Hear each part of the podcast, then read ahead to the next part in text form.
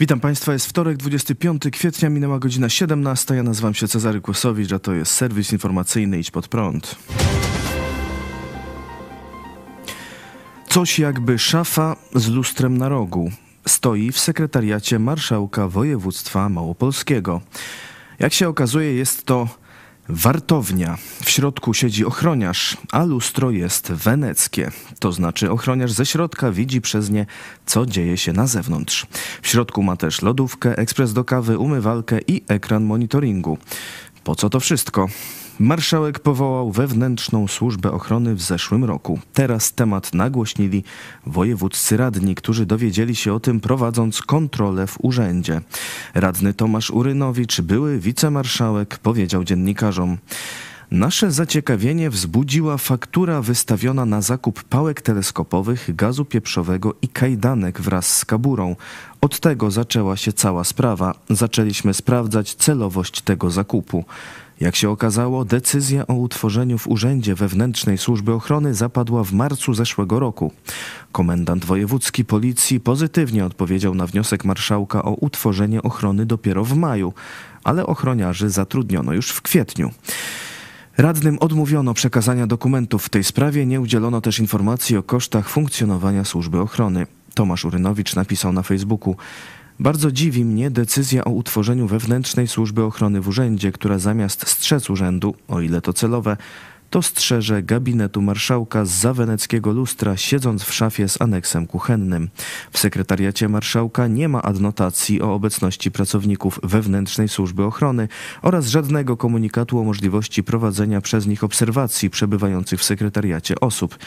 Pracownicy tej służby są nieumundurowani oraz w żadnym obiekcie urzędu nie występuje oznaczenie z informacją o pełnionej przez nich służbie. To jest właśnie typowy przedstawiciel wychowana na feudalizmie i katolicyzmie grupa społecznej pseudoelity. Nie? To, to jest właśnie typowy przedstawiciel, bo on tak, za nic ma y, państwowe pieniądze. To, to on traktuje jak swoje, nie? Grabi no pod siebie, nie? To wiecie, jest taki tego. Czyli on marnuje te pieniądze, wydaje na bzdury 400 tysięcy luksusowa limuzyna, Mercedes, wcześniej na remont łazienki, marmurowa podłoga, pozłacane krany, toaleta w stylu o, retro.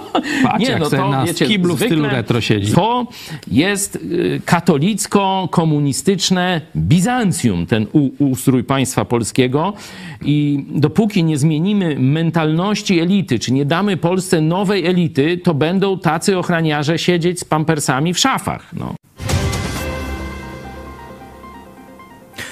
Młody działacz PiS zatrudniony w Państwowym Banku, choć nie ma kwalifikacji.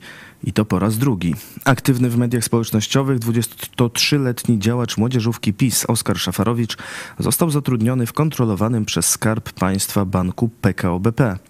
Jak informowała Wirtualna Polska, z systemu informatycznego banku wynikało, że na początku kwietnia Szafarowicz pracował w obszarze prezesa zarządu, pionie zarządzania personelem w Departamencie Kapitału Pracownika, w Biurze Zarządzania Wartością Pracownika, w Zespole Planowania i Sprawozdawczości.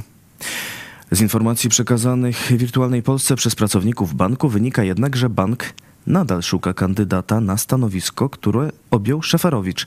A to prawdopodobnie dlatego, że w wymaganiach dla specjalisty do spraw planowania i sprawozdawczości w Departamencie Kapitału wpisano na pierwszym miejscu wyższe wykształcenie, a Szeferowicz obecnie studiuje na drugim roku prawa. Jak wczoraj napisała Wirtualna Polska, po prośbach dziennikarzy o wyjaśnienie sprawy zatrudnienia młodego działacza PiS został on przeniesiony na inne stanowisko. Miał zostać przeniesiony do sekcji rekrutacji w zespole Contact Center HR i dziś pracuje jako specjalista do spraw rekrutacji. Tu nie trzeba wyższego wykształcenia, ale w ogłoszeniu rekrutacyjnym Bank PKO BP twierdził, że wymaga od kandydatów minimum dwuletniego doświadczenia w samodzielnym prowadzeniu projektów rekrutacyjnych. A jak pisze Wirtualna Polska, Według naszych informacji młody działacz PiS nigdy nie zajmował się prowadzeniem projektów rekrutacyjnych. Jedyne jego doświadczenie zawodowe to kilka tygodni przepracowanych na stanowisku młodszego specjalisty do spraw promocji w Krajowym Zasobie Nieruchomości. A jak już jesteśmy przy banku PKO BP, to organizuje on szkolenie na temat inflacji na Sycylii. Treść zaproszenia na wyjazd szkoleniowo-relacyjny sycylijskie, sycylijskie Dolce Vita, jakie bank wysłał do swoich największych klientów, ujawnili reporterzy Radia Z. W pięknych okolicznościach przyrody zapraszamy Państwa na spotkanie z głównym ekonomistą PKO BP Piotrem Bujakiem oraz analitykiem towarowym Tomaszem Niewińskim. Nasi eksperci poprowadzą prelekcję perspektywy inflacji w obliczu zmian cen na rynku towarów energetycznych. Te kilka majowych dni będzie świetną okazją, aby na chwilę zwolnić rytm życia, spotkać się z ciekawymi ludźmi, przedyskutować ważne zagadnienia ekonomiczne w nieco luźniejszej atmosferze oraz rozsmakować się w lokalnej kuchni. Złośliwi twierdzą, że spotkanie o inflacji zorganizowano we Włoszech, bo w Polsce było za drogo. Minister Anna Moskwa znalazła cudowny sklep, w którym nie rosną ceny. Niestety nie chce zdradzić, gdzie on jest. Minister klimatu Anna Moskwa, występując w Polsat News, opowiedziała, jak radzi sobie z rosnącymi cenami. Robimy zakupy poza siecią, w lokalnym sklepie, gdzie ceny się nie zmieniły, za co jesteśmy wdzięczni lokalnemu dostawcy, powiedziała Moskwa. Zapytana przez dziennikarza, gdzie taki wspaniały sklep się znajduje, nie chciała odpowiedzieć. Dodała tylko, że wraz z mężem, jak każde gospodarstwo domowe, robią też zapasy żywności. Reporterzy Polsat News postanowili jednak odnaleźć ten wspaniały sklep. Niestety okazało się, że pani minister najwyraźniej minęła się z prawdą. Właściciel sklepu stwierdził, że ceny są wyższe o 20-25% niż w ubiegłym roku. Nas też dotknęła inflacja. Oszczędzamy na tym, że sami przywozimy towar do sklepu. Jestem dostawcą, kasjerem, księgowym i sprzątaczką. Dzięki temu możemy pozwolić sobie na to, żeby ceny w sklepie były trochę niższe, ale i tak są wyższe niż rok czy dwa lata temu. To, co mówi pani minister, że ceny nie poszły do góry, to nieprawda. Musiały wzrosnąć, bo inaczej by się nie dało. Producent podwyższa ceny, to samo robi pośrednik, czyli hurtownia, i my też musimy zarobić na pracownika, na siebie, na utrzymanie biznesu, powiedział dziennikarzom właściciel sklepu.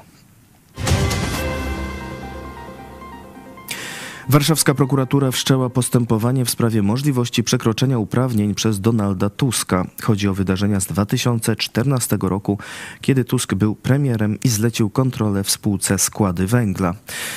Zawiadomienie do prokuratury złożył Marek Falenta, biznesmen, który sam został skazany na 2,5 roku więzienia w związku z aferą taśmową. Stwierdził, że przekroczenie uprawnień przez Tuska nastąpiło w celu osiągnięcia korzyści majątkowej przez podmioty zajmujące się obrotem węglem kamiennym poprzez zlecenie bez podstawy prawnej i faktycznej kontroli podmiotu prawa handlowego, to jest składy węgla spółka ZO w celu wymuszenia zaprzestania importu węgla z Federacji Rosyjskiej i działania tym samym na szkodę interesu prywatnego wyżej wymienionej spółki. Falenta stwierdził, że okoliczności sprawy wskazują, że decyzja o ingerencji w prowadzoną działalność gospodarczą miała charakter polityczny i wynikała z chęci zapewnienia ochrony interesów istotnych dla Donalda Tuska grup wyborców. Prokuratura Okręgowa w Warszawie przekazała, że śledztwo jest prowadzone w sprawie, a nie przeciwko Donaldowi Tuskowi. Na tym etapie prokuratura okręgowa w Warszawie nie przesądza dalszego biegu postępowania, jak też nie planuje przesłuchiwać w postępowaniu Donalda Tuska, przekazała rzeczniczka prokuratury. Donald Tusk odniósł się do tych informacji podczas wyjazdowego posiedzenia PO w Rzeszowie.